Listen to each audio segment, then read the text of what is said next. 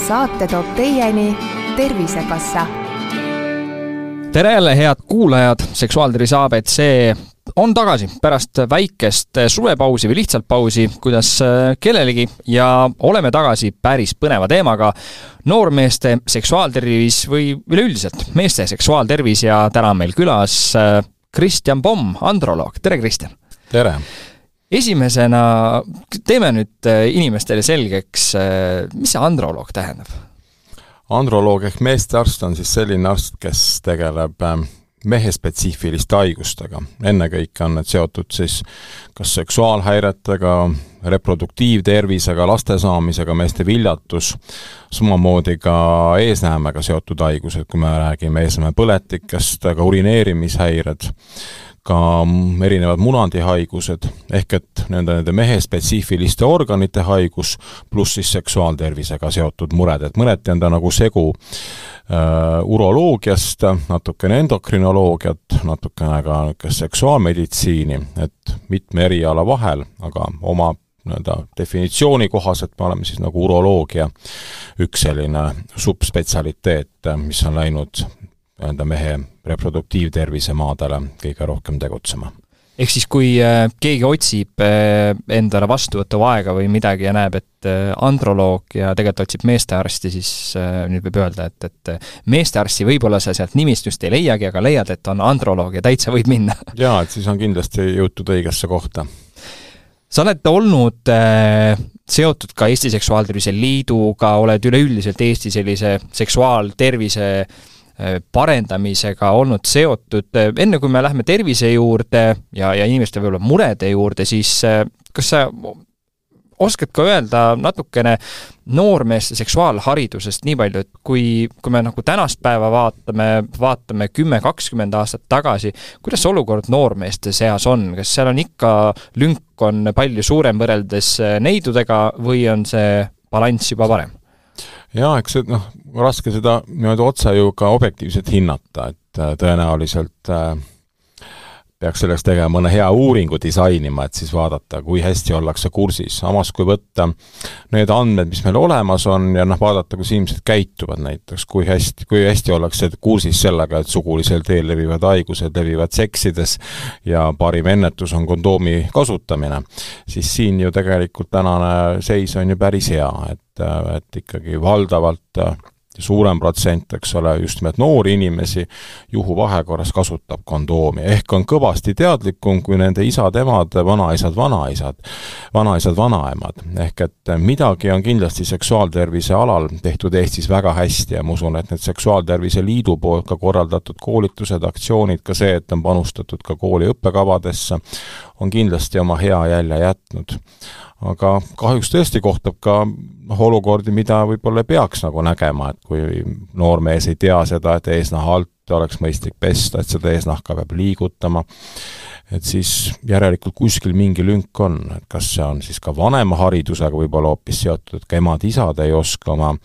oma järeltulijatele asjalikku nõu anda või, või on kuskil koolisüsteemis midagi puudu. Ja ilmselt sõltub ju palju ka õpetajatest, kes seda koolis annavad, et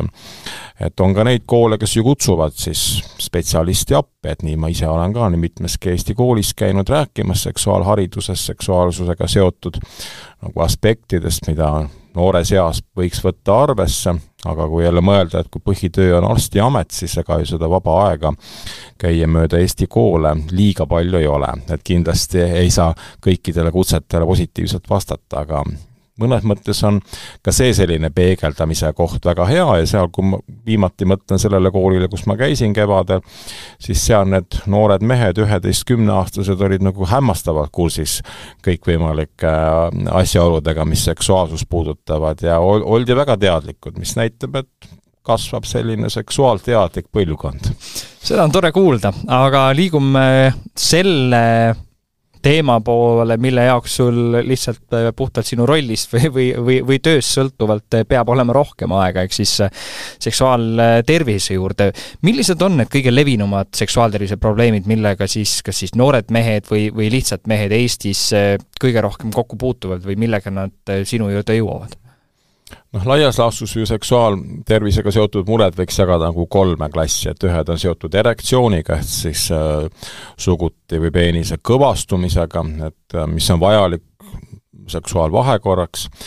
teine grupp moodustavad äh, eakulatsiooni ehk seemnepurskega seotud kaebused, võib ta olla valulik või tulla liiga kiiresti seemnepurse või vastupidi, ei jõua seemnepurskeni, ja kolmas grupp seksuaalhäired on seotud suguihaga ehk ka sooviga olla vahekirjas, nende libidoga. noortel meestel noh, kõige sagedasemad mured on võib-olla seotud selle seemnepurskega, et lihtsalt kui praktikat on vähe, iga asi tahab elus harjutamist, siis võibki olla nii, et noorena seemnepurske aeg on väga lühike, ehk et vahekorras olles jõutakse ruttu seemnepurskeni, alguses kuluda tõesti ainult ju ka paar sekundit või tuleb ka seemnepurse nii-öelda enne peenise tuppe viimist, mis on tegelikult normaalne ja füsioloogiline, et sageli aja jooksul see asi kõik paraneb ja tekib kogemus, tekib oskus kontrollida oma, oma seksuaalkäitumist, oma sugu nii-öelda sellist eri, erutust ka juhtima paremini. Ja tavaliselt need mured lahenevad iseenesest. Sellega seoses on meil olnud ka küsimusi, et, et just, et see enneaegne seemnepurus, et kas see on nagu tõsine probleem või lihtsasti lahendatav, et äh, me, meile tuli ka selline küsimus, et noh, et me oleme partneriga olnud äh, püsisuhtes, noh, noorte puhul noh, ikkagi püsisuhe, kui on kindel partner, et eh, kui seksime tihedamini, siis ma kestan kauem, ei ole probleemi, aga kui vahekordade vahele jäävad pikemad pausid, siis on keerulisem kinni hoida, et noh, kas midagi on nüüd lahti või, või mis nüüd saab? et äh, ei tahaks ju niimoodi, et äh, et kui ühel hetkel kaks nädalat ei ole näinud üksteist või, või mis iganes, siis äh, noh, pettume mõlemad. et, et mis, mis siis, mis tegema peab? vot, siin tegelikult, eks ole, inimese keha käitub nii, nagu ta käitub ja tegemist normaalse olukorraga, et see on ju täiesti selge, et seda me näeme nii noortel kui vanematel meestel, näiteks kui üks elab ühes linnas ja teine teises või lausa töötab teises riigis, on mingisuguste lähetuste kaupa, eks ole, oma partnerist eemal ja siis tullakse mitme nädala tagant või kuuajalise vahega, eks saadakse kokku, on täiesti selge ja loomulik, et seemne puhul see tulebki kiiremini. et siin parim ravi on nii-öelda sage suguelu, koos elamine, oma seksuaalse aktiivsuse nii planeerimine ja, ja selle hoidmine, et tõesti vahekorrad ei muutuks liiga harvaks. et muidugi on ka ravimeid, millega seda kõike annab, eks ole, aidata, aga noh, ütleme alati nagu arstina ka ikkagi esimene mõte on see, et kas on olemas mingid käitumisega seotud äh, soovitused, millega me saaksime olukorda parandada, sest noh, igal rohul võib olla ka kõrvaltoimeid, pluss lisab sellist nii-öelda planeerimise vajadust seksuaalellu, kui see, võtame ära spontaansuse, et kõik käibki ainult nii-öelda tableti võtmise ja siis nii-öelda minutite või tundide lugemisega, et millal ma nüüd siis saan hakata vahekorras olema ja ja, ja kui kaua see toime, eks ole, tabletil kestab, siis me tegelikult võime inimesele hoopis ju karuteene teha nende rohtude väljakirjutamise. et see, mis kirjeldatud olukord on füsioloogiliselt normaalne, et inimese keha nii-öelda ootab seda seenepurset, eriti noorel mehel, ja tõesti, kui paus on mitu nädalat, siis on üsna ootuspärane see, et see purse tuleb väga kiiresti. sa rääkisid äh, tablettidest äh,, ravimitest äh,, siinkohal korra selline võib-olla ongi see sa-, sama põige sinna, et, et kas, kas sa näed ka seda, et, et mehed ise soovivad nagu kiireid lahendusi, et äkki on mingi, mingisugune ravim, et võtan kohe selle ära ja, ja vahetevahel ka kirjutatakse neid ravimeid või, või noh, osasid asju võib ka sealt äh, apteegist kä-, käsi, käsimüügist osta, mis noh, kui palju nad aitavad, kui palju ei aita, et kas see on pigem sinnapoole kaldu, et me püüame selliseid äh, lihtsaid lahendusi otsida, kui see, et, et me mõtleme selle nii-öelda vaimse poole peale ja, ja teeme sellega tööd? Ma arvan, et mõlemad äh, nii-öelda lahendused on omas kohas ja olukorras vajalikud, et tegelikult kui me mõtleme olukorda, et noor, noor mees ja naine saavad kokku, neil esimene vahekord ei õnnestu, tuleb seenepurse juba enne näiteks peenise tuppe viimist, kui me räägime mehe ja naise vahelisest vahekorrast. või tuleb see üks, kaks, kolm, neli ja viiendal sekundil juba ongi kõik. et siis see võib tegelikult selle nii-öelda algava suhte panna ju äh, tõsisele proovile ja võib tekkida niisugune valehäbi ja tunne, et oh, ma ei saagi hakkama, ka loobumine hoopis seksuaalelust. et sel juhul tegelikult selline üks, kaks, kolm, neli korda vajaduse ravimi kasutamine on täitsa õige ja mõistlik mõte, et me aitame sellega inimese nii-öelda seksuaalsust ju tegelikult hoida. ja sageli ongi piisav tõesti üksikutest ravimi võtmistest, edasi asjalood juba õnnestuvad ilma nii-öelda sekkumiseta. samas on kindlasti oluline mõista, et seal väga palju on ikkagi tuleb ka endaga tegeleda nii-öelda, selles mõttes tegeleda, et õppida tunnetama, mismoodi see seemnepurse oma tulekust eelnevalt märku annab, et osata siis tempot maha võtta, pluss vaagnapõhjalihaste harjutused võivad olla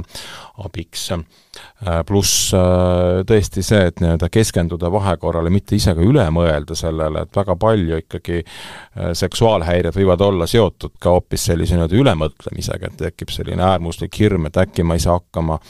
kogu, kogu aeg vahekorra eel ja ajal nii-öelda tunnetad, mõtled oot-oot-oot, kas nüüd ikka erektsioon on piisav või ei ole. et ilmselgelt see seksuaalerutusele ei mõju, on ju, positiivselt ja sellised ärevusega, soorituse ärevusega seotud erektsioonihäired on ka just nooremate meeste mured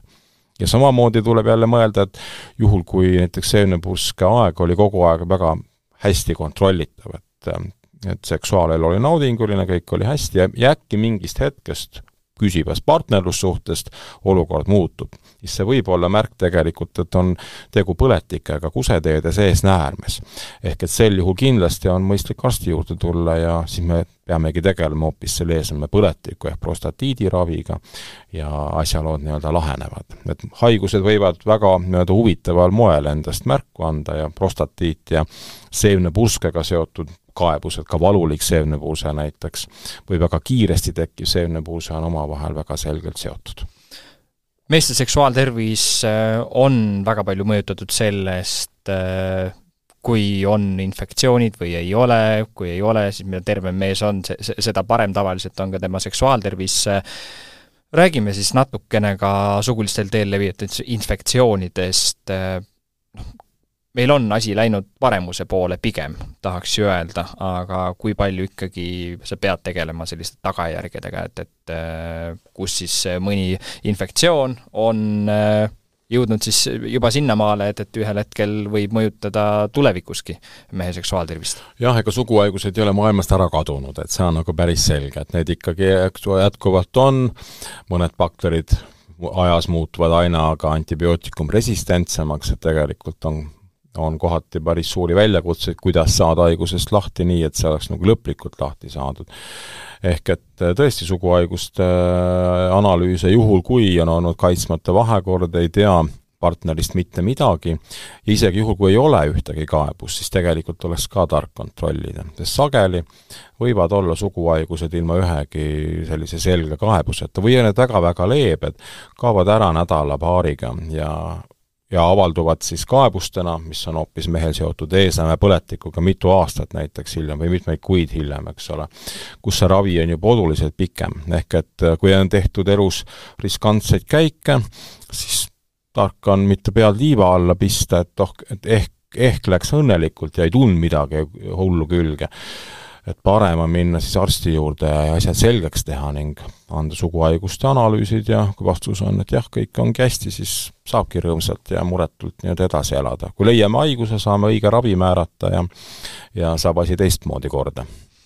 aga kordame nüüd üle ka selle, et kuidas siis seda ennetada, et äh, suguliselt teel levivaid infektsioone külge ei tuleks? no mõistlik kuim, eks ole, ennetus on see, et juhul, kui on tegu nii-öelda tundmatu partneriga või on, või, või sa ei ole kindel oma partneris, siis noh, mees peaks kasutama kondoomi seksuaalvahekorras ja siin on ka oluline aru saada sellest, et see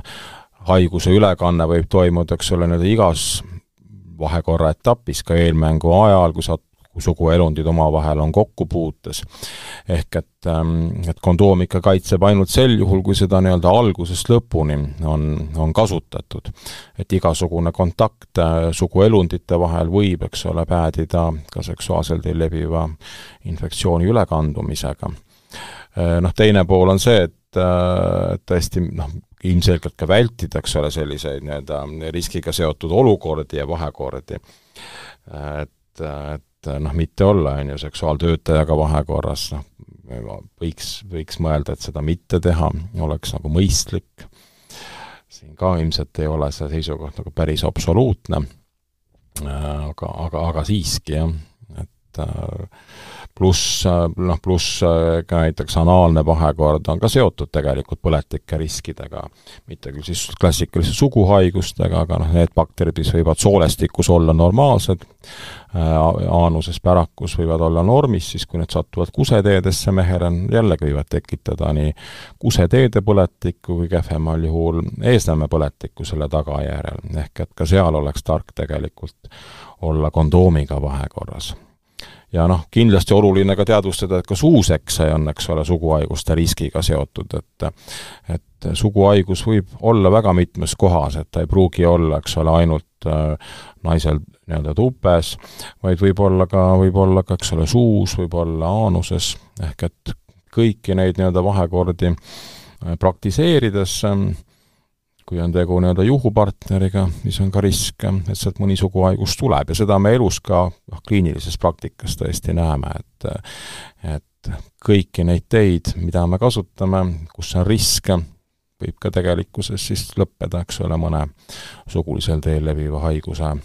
kandlusega. Suguhaigustest saate täpsemalt lugeda seksuaaltervis.ee lehelt, aga üks konkreetne teema võib-olla, millest me võiksime siit äh,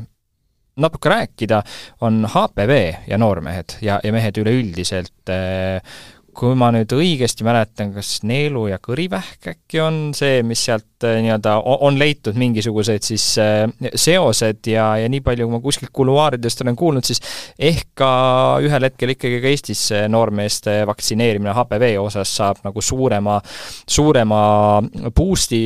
Austraalias vist on niimoodi, et noh, kõigile ei ole üldse küsimust, oled sa naine või mees, see, see variant on olemas, kas siis nüüd ongi ikkagi leitud, et äh, noormeestel oleks ka mõistlik see vaktsiin ära teha?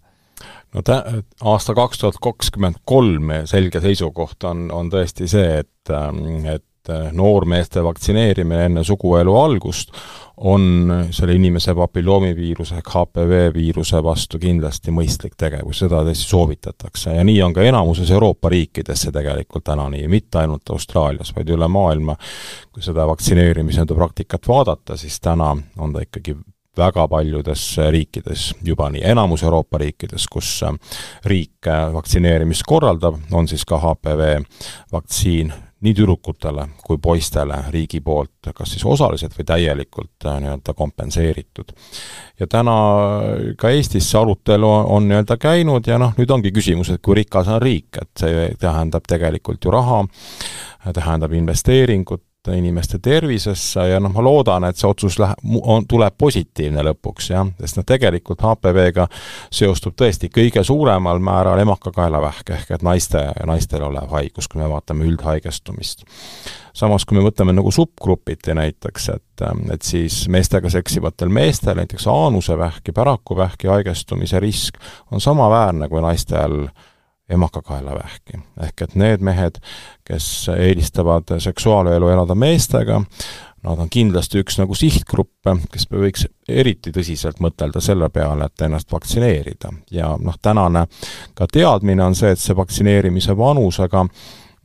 vanus ei tähenda, et see tuleb teha ainult noores eas, et seda võib teha ka vanemas eas, võib see olla ka, ka üle, üle neljakümne aastane mees tegelikult, kui ta näiteks ei ole kindlat partnerit, siis täna rahvusvaheliste soovituste kohaselt võib ta selle HPV vaktsiini, vaktsiiniga teha. Ja noh, lisaks emakakaelavähile, aanusevähile äh, on tõesti HPV seotud ka kõrineeluvähi, vähiriskiga, lisaks äh,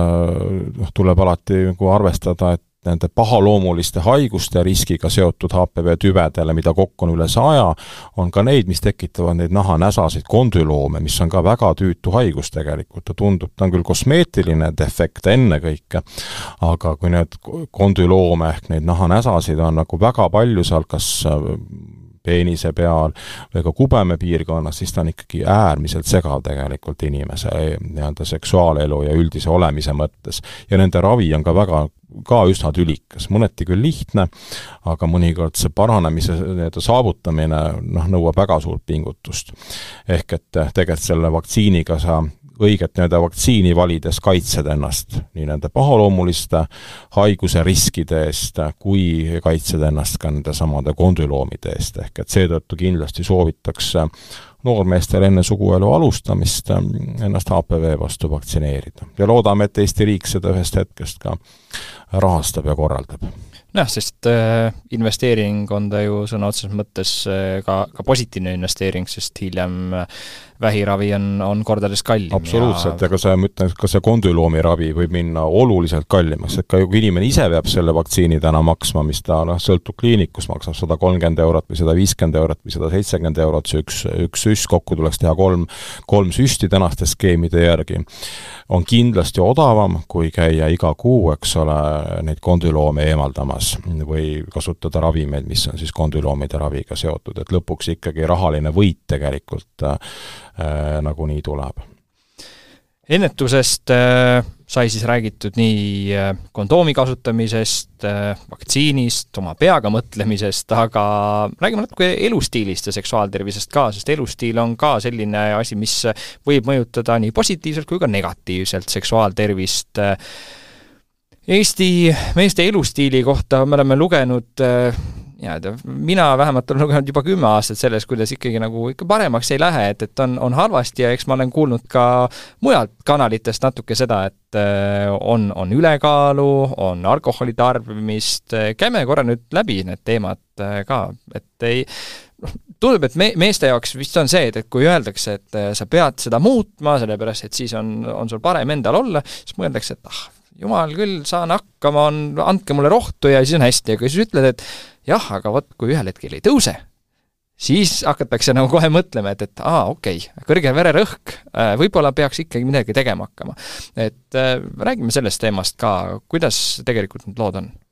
No tegelikult on osa lugusid on ju ka hästi, et ei saa öelda, et kõik nagu läheb allamäge, ei, tegelikult ikka ei lähe, et kui me vaatame Eesti meeste keskmist oodatavat eluiga, siis see on ju tõusnud, loomulikult saaks veel paremini, et me jääme ikkagi Skandinaavia äh, Rootsi, Rootsi meestest näiteks seal vaata, et peaaegu kümne aastaga on ju maha, mis, mis on kindlasti näitaja ja noh, ka Eesti naine elab täna mehest ikkagi umbes kaheksa aastat kauem, et see vahe võiks olla ilmselgelt väiksem, et see näitaks, näitaks sellise arenenud ja tasakaalus oleva ühiskonna äh, nii-öelda olemist ja tervist, et meil ta päris täna nii, nii ülihea ei ole, aga trend on olnud, eks ole, positiivne. kuigi viimase kümne aasta jooksul nagu olulist sellist tõusu jätku me ka ei näe, jah, mis on ka tegelikult märk, et midagi kuskil on. ja noh, üks selline nii-öelda tõenduspõhine teadmine on meil täna see Eesti meeste tervise kohta, et siin äh, meeste kliinik koostöös ähm, Tervisekassaga ja äh, Tervise Arengu Instituudiga tegi ühe uuringu, kus me vaatasime siis neljakümne kuni neljakümne üheksa aastaseid mehi. ehk et neid mehi, kes peaksid olema nagu parimas elu vormis, kus neil ehk ikkagi ei ole veel mingeid hulle kroonilisi haigusi, nad ei peaks iga päev ravimeid kasutama.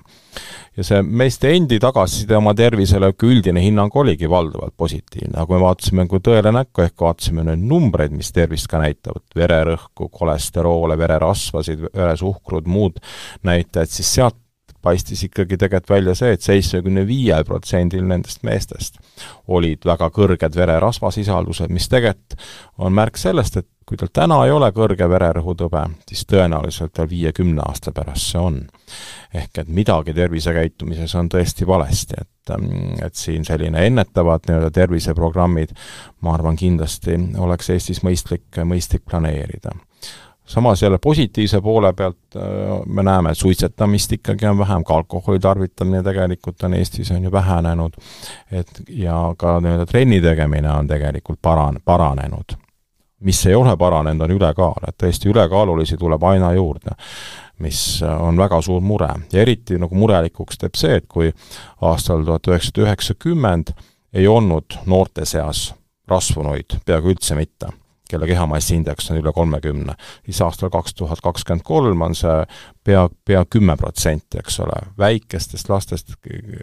on juba tegu on ju tõsise rasvumisega. et see nii-öelda ülekaal on selline globaalne nagu epideemia või pandeemia ja midagi tuleb inimestel nagu oma mõtlemises ja käitumises radikaalselt ette võtta, et see ülekaal on väga selge, eks ole, terviserisk ja terviserisk ka seksuaaltervise mõttes, eks ole, jätame kõrvale kõik nii-öelda ver-, südame-veresoonkonna haigused, aga tõesti erektsioonihäired äh,, ka meeste viljatus on äh, ülekaaluga seotud. ehk et selline tasakaalustatud toitumine, oma nii-öelda päevakaloraaži ikkagi mõistlik jälgimine, mitte ülejälgimine, mitte eks ole, iga grammi lugemine, et see ma arvan, ka ei ole soovitus, mida peaks nüüd arstina andma aga tõesti vaadata, mis kell ja kui palju, mida, eks ole, süüa, kui palju sa päeva jooksul oled liikunud, on noh, tegevus, mida tuleb, tuleb teha, mida vanemaks saad, seda rohkem tuleb seda arvestada, et see ainevahetus muutub aeglasemaks, üle söödud kilodest lahtisaamine läheb järjest raskemaks vanuse tõustes, et siin tõesti selline mõistlik ennetus on noh, väga oluline. Ehk siis äh, ülekaal, kõrge vererõhk ja diabeet võivad põhjustada erektsioonihäireid tulevikus ja noh, muidugi on siin jälle see, et noh, mis selles ikka, et äh, antakse see tabletikene ja saab oma asjad ära ajada, aga ega ta kõige jätkusuutlikum variant ei oleks no,, et tegelikult oleks ju mõistlik äh, enne omal tervist korras hoida ja, ja siis ei teki ka neid muresid mhm. nii ta on, et teist, tõesti teist tüüpi diabeet, mis ülekaaluga, eks ole, seostub, on noh,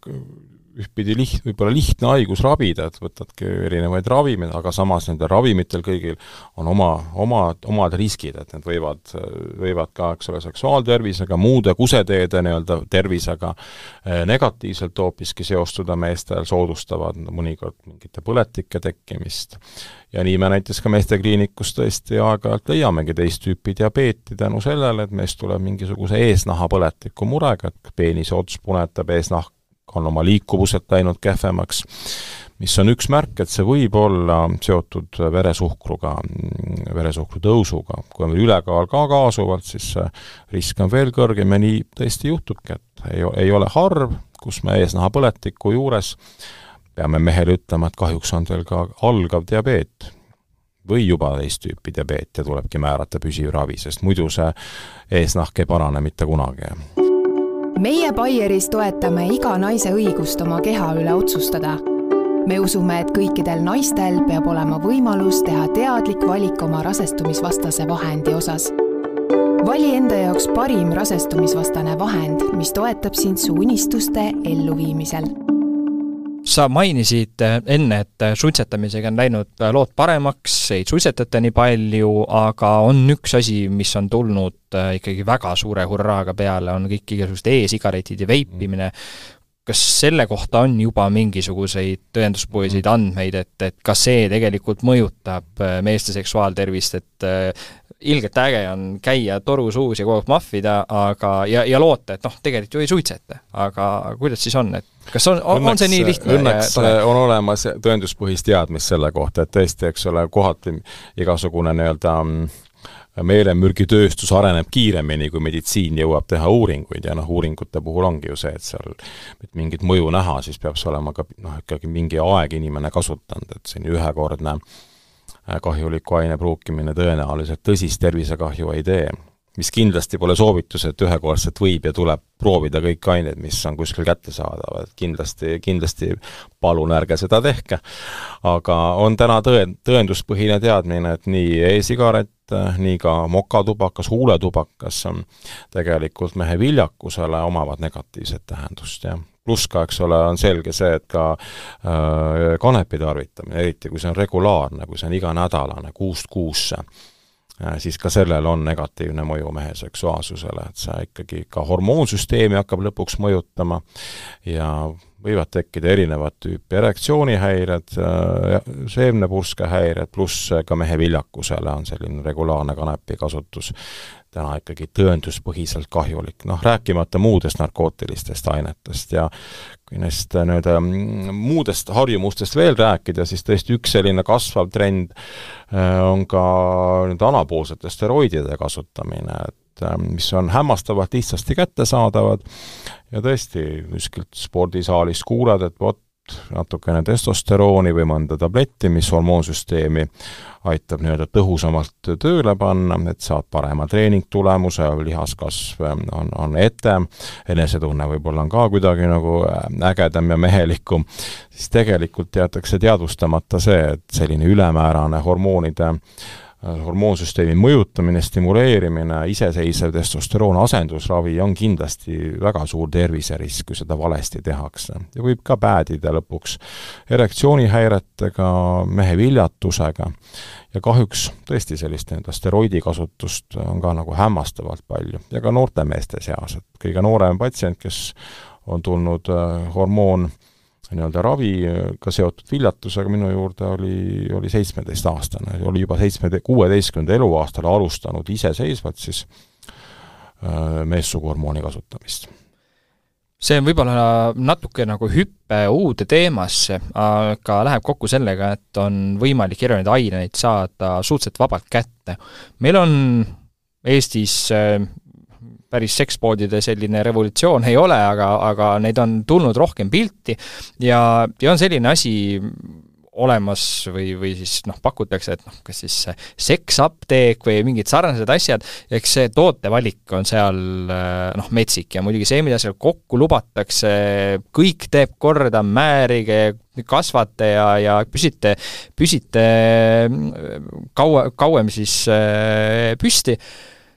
no oleme nüüd ausad, kas see on eetiline, kas seal on üldse nagu mingisugust päris tõepõhja ka all või tegelikult noh, peaks ikkagi mõtlema mees, et äh, pigem küsi eksperdi käest, mitte ära võta kuskilt e-poest suvalisi asju, mille sisu sa ei tea ja mille päris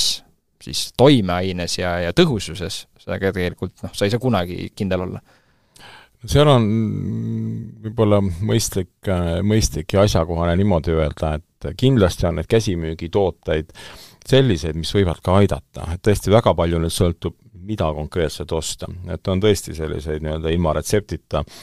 kättesaadavaid seksuaalsust toetavaid ravimeid, mis võivad mõnikord väga hästi aidata tõenäoliselt need on sellised, mis on siis nii-öelda päris apteekides? mis on päris ja. apteekides jah, mis osad võib-olla võivad olla ka nii-öelda sekspoodides müügil, et siin see regulatsioon toidulisandi ja, ja käsimüügiravimi vahel on väga selge, et osasid sa saad müüa apteegis ainult, osasid, eks ole, ka mingites muudes poodides. mida kindlasti nagu ei, ei julge soovitada, on osta e-poodidest, eks ole, kuskilt internetist, kuskilt kuulsid mingid nimed, oh, guugeldan, ja noh, kindlasti sa leiadki selle toote üles ja ka ostan. sageli nad maksavad väga palju,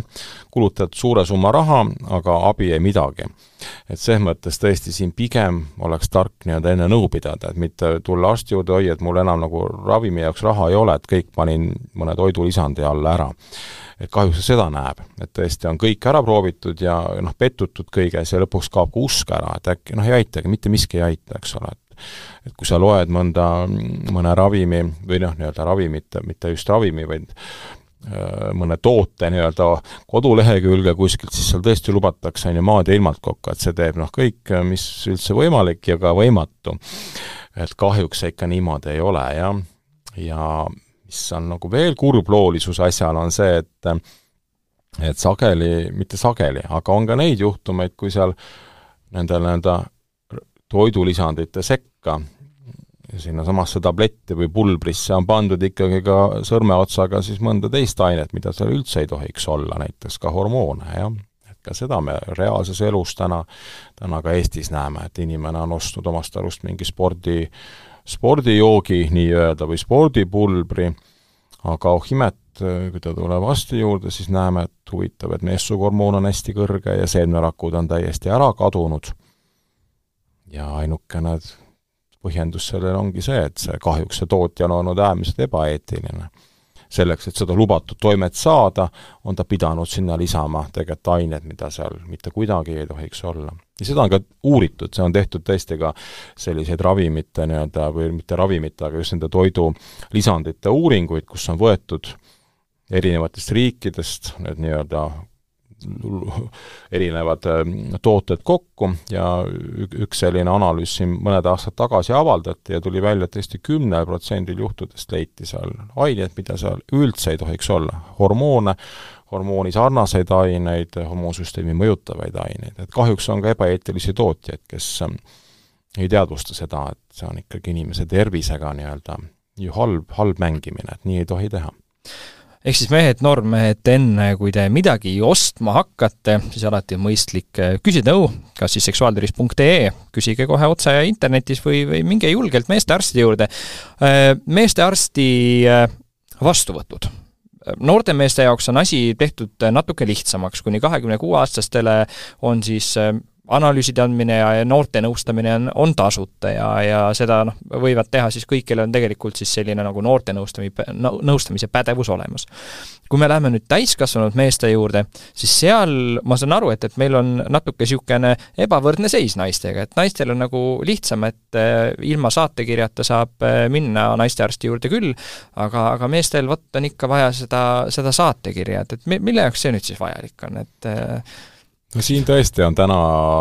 juba nüüd päris mitu-mitu-mitu aastat äh, kehtimas see põhimõte, et androloogi meestearsti käsitletakse kui muud erialaarsti, kuhu minekuks siis on vaja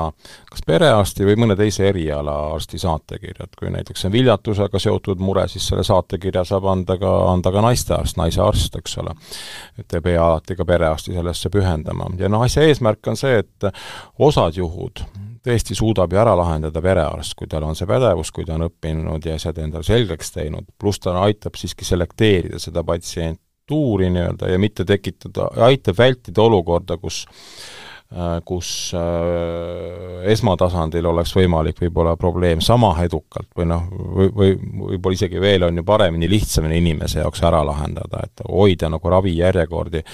natukenegi nii-öelda paremini kontrolli all. muidugi mehena mõeldes loomulikult tahaks, eks ole, et ole, mure on, kohe tahaks ju minna. aga noh, tal on see on tänane Eesti tervishoiusüsteemi ülesehituse printsiip ja ma arvan, et ta, et ta on õige nii ja noh, perearsti puhul on muidugi see, et kas ma tahan rääkida sellistest teemadest, muidugi mõistlik oleks, et, et ma lähen perearsti juurde, räägin, aga ikkagi mingisugune valehäbi on seal olemas. no vot, sellest valehäbist olekski nagu asjalik üle saada, et tõesti, arst on arst ja noh, võimalik on neid muresid ka nii rääkida, et võib-olla ei pea kõik kõiki detaile, eks ole, perearstiga jagama, kui noh, kui ei taha seda teha. ja tavaliselt, kui on selge nagu aru saada, et inimesel on mure ja see pöördumissoov on ju meestearsti juurde on põhjendatud, siis see saatekiri ikkagi ka antakse, et äh,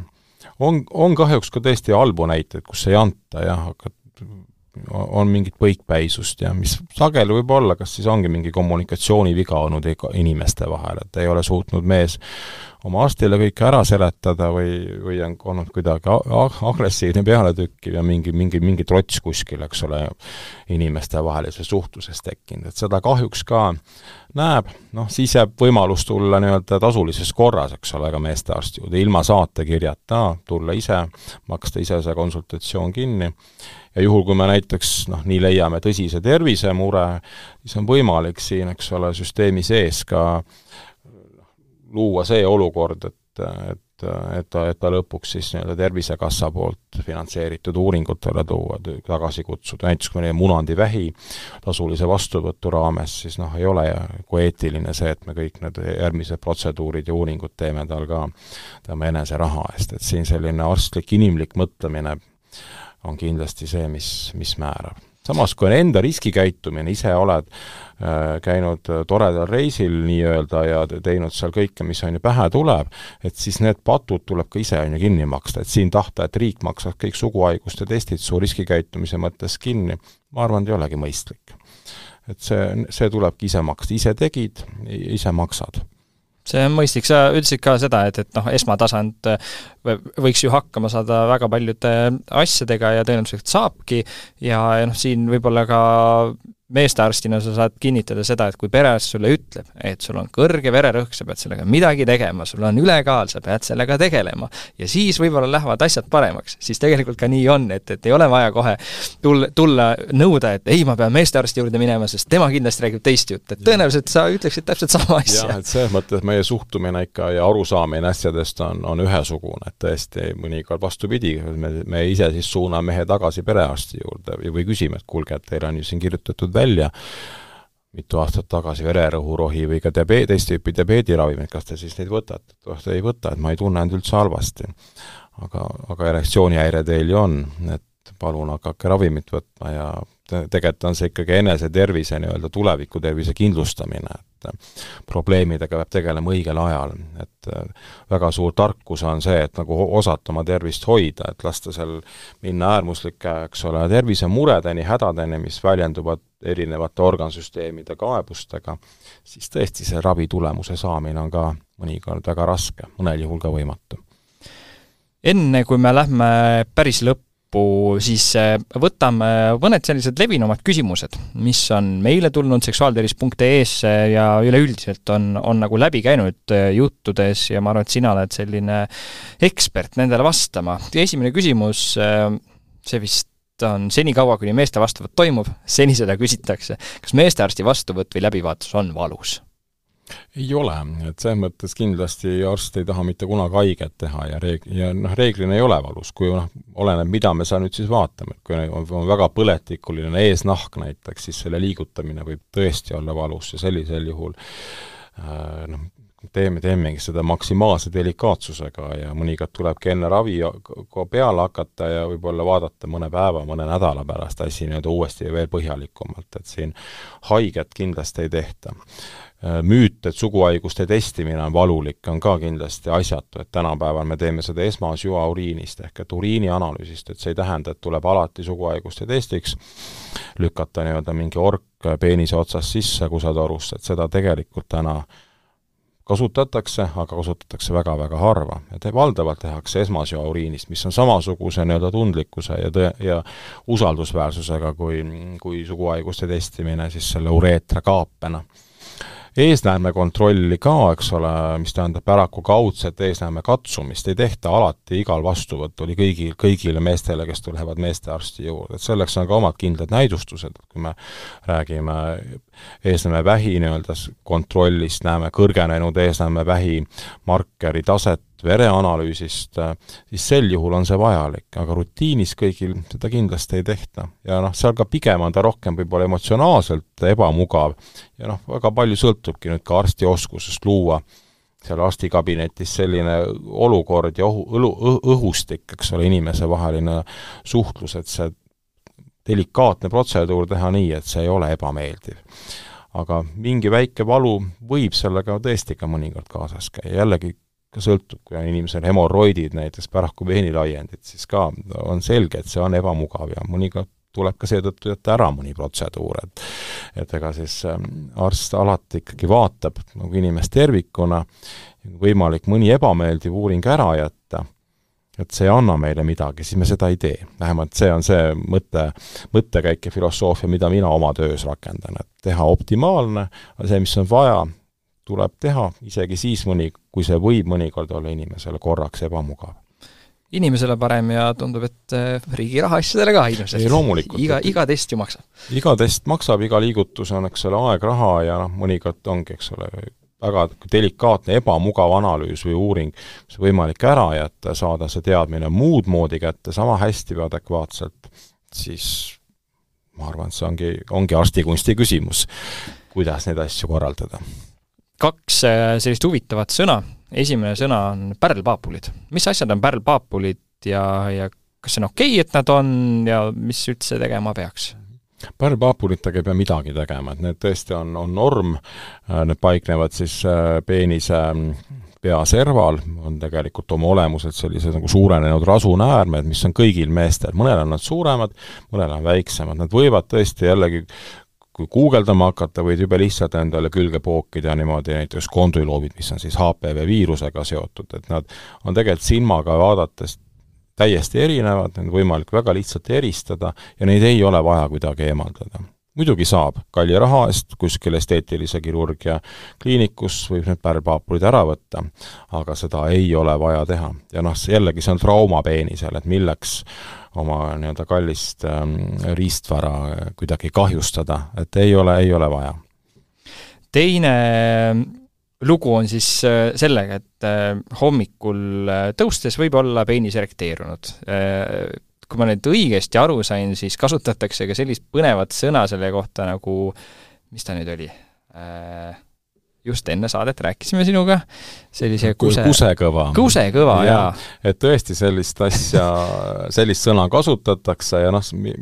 ilmselt kust see sõna tulnud on, et sageli ikkagi inimesel hommikul ärgates on tõesti vajadus minna WC-sse kusele või urineerima. ja, ja samal ajal võib tõesti meestel olla siis peenis ka jäigastunud olekus erekteerunud ja siis mehed arvavadki, et järelikult vot selle kusehäda tõttu on peenis kõva, et kusekõva. no osalt äh, seal tõesti on ka mingi tõenduspõhine selline selgitus olemas, et erekteerunud peenisega noh, kusel käia on suht võimatu, et urineerimine on raskendatud ilmselgelt, et see ei ole väga hästi teo-, teostatav, et tõesti väga täispõiega öösel võib siis tekkida selline nii-öelda peenise jäigastumine, et aidata hoida uriinipõies. on tõesti üks selline teooria, miks see on. teine ja millesse ma rohkem usun, on tegelikult hormonaalne muutus, et tõesti öine varahommikul on meessuguhormooni tase kõige kõrgem. ja see võib olla ka seotud tegelikult nende öiste erektsioonidega. ja mingis mõttes on ta hea näitaja, et kui see nii-öelda kusekõva peenis on igal hommikul, siis see on märk sellest, et mehe peenise verevarustusega on kõik väga hästi. et see on ka küsimus, mida me erektsioonihäirete puhul keskealistelt, vanematelt meestelt alati küsime, et kas hommikuti, öösiti tunnete erektsioone, kas on hommikul kõva või ei ole. kui vastus on, et ei, ma viimased aastad pole enam seda tundnud, siis see pigem on kehv näitaja. võib olla märk sellest, et ongi ateroskleroos, veresoonte lupjumine ja need peenise arterid on kõi-, ühed kõige peenemad kehaarterid ja sageli on see esimene signaal keskeas sellisest nii-öelda südame-veresoonkonna haiguse riskist ehk et keskealistel meestel, kellel on erektsioonihäired, me alati peame mõtlema ka südame-veresoonkonna nii-öelda haiguste kontrollile ja, ja, ja seetõttu see nii-öelda hommikune erektsioon ehk kusekõva on pigem selline hea prognoosiga äh, näitaja mehe tervise mõttes. järgmine küsimus äh, on, või, või see ei ole isegi alati küsimus, aga, aga räägitakse sellest, et eesnahk leepub peenise pea külge. et eesnaha all ei ole siis kogu aeg libe, ma tõenäoliselt nagu saan siis aru sellest, et, et eeldatakse, et see peenise pea tuleb nagu hopsti ja sulpsti kohe edasi-tagasi käib ja, ja ei lähe pärast uuesti paika, et kas see libedus seal peab siis olema selline, et noh, nagu oleks libestit eesnaha alla pandud või tegelikult see kleepumine ja, ja mingil määral vahel see kuivus on lihtsalt füsioloogiline siis olukord ja, või, või mis seal eesnahk liigub nii-öelda normaalselt, vabalt, eks ole, üle peenise pea, seksuaalvahekord ei ole seotud mingi valuga või ebamugavustundega, ja ta lihtsalt nagu tundub, et ta kleepub äh, selle peenise pea külge, siis sellest nagu muret nüüd äh, järeldada ei ole vaja. juhul, kui tõesti sellega kaasneb mingi väga halb selline lõhn, hoolimata sellest, kui tõesti igapäevaselt eesnaha alt pesta, et mees peaks tegelikult tõesti iga päev eesnaha alt pesema. Ideaalis võiks olla isegi hommik ja õhtu, on ju, vähemalt üks kord päevas tuleks sealt eesnaha alt pesta, eriti soojade ilmadega, kui higistada rohkem, et see võib, võib soodustada igasuguste nii-öelda põletike tekkimist. Äh, ja, ja,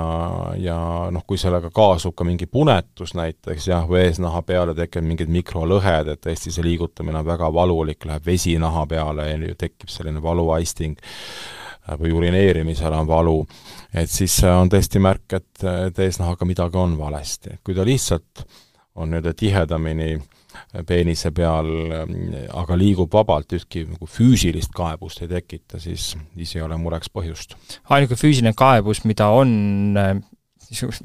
ma ei teagi, kas see tegelikult on füüsiline kaebus, aga öeldakse, et nagu peenise pea on tundlik. peenise pea ongi katsudes tavaliselt tundlik, et kui ta nagu valu teeb või haiget teeb, see on probleem, aga muidu ta peakski nagu olema ja, tundlik. eriti noores eas ta kindlasti ongi tundlik, kui kui seda eesnahka pole ka väga palju liigutatud, siis ongi ta selline e-, pigem võib-olla ebamugavustunne kerge ja, ja, ja see on tavaline. tavaliselt see elu jooksul tundlikkus väheneb, kui on su-, regulaarne suguelu, see eesnahk siiski muutub nagu iga korraga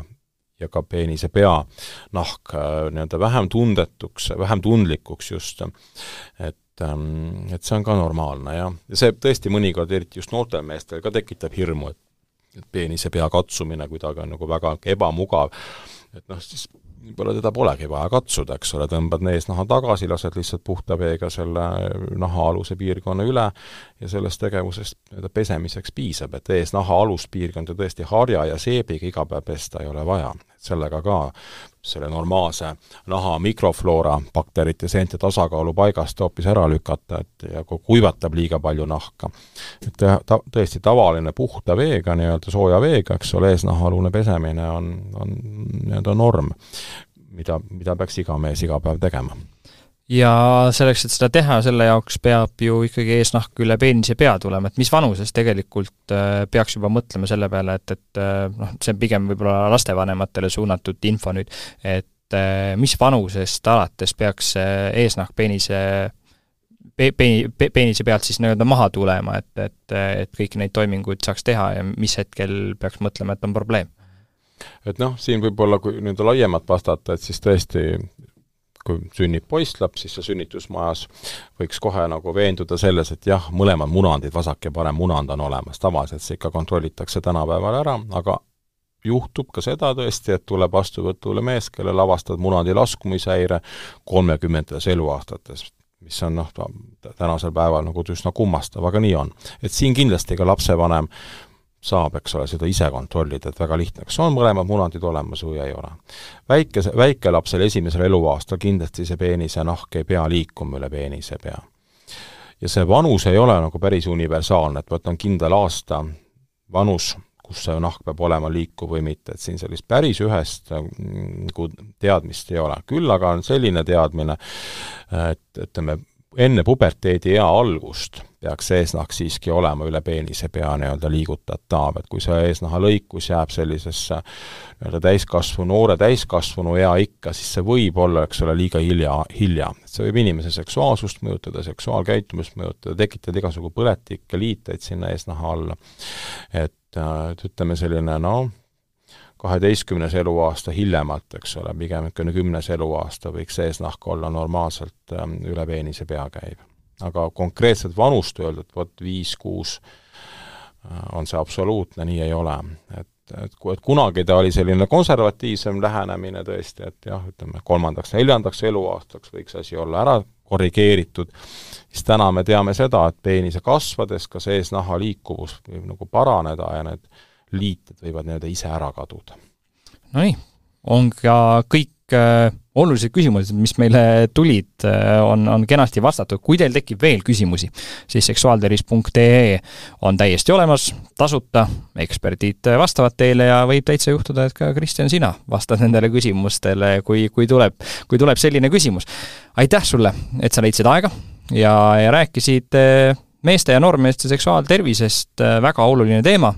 millest me räägime järgmisel korral ärme kohe ette ütle, aga loodetavasti siis juba pea kuu aja pärast, kui mitte enne, peaks tulema juba järgmine osa, nii et eh,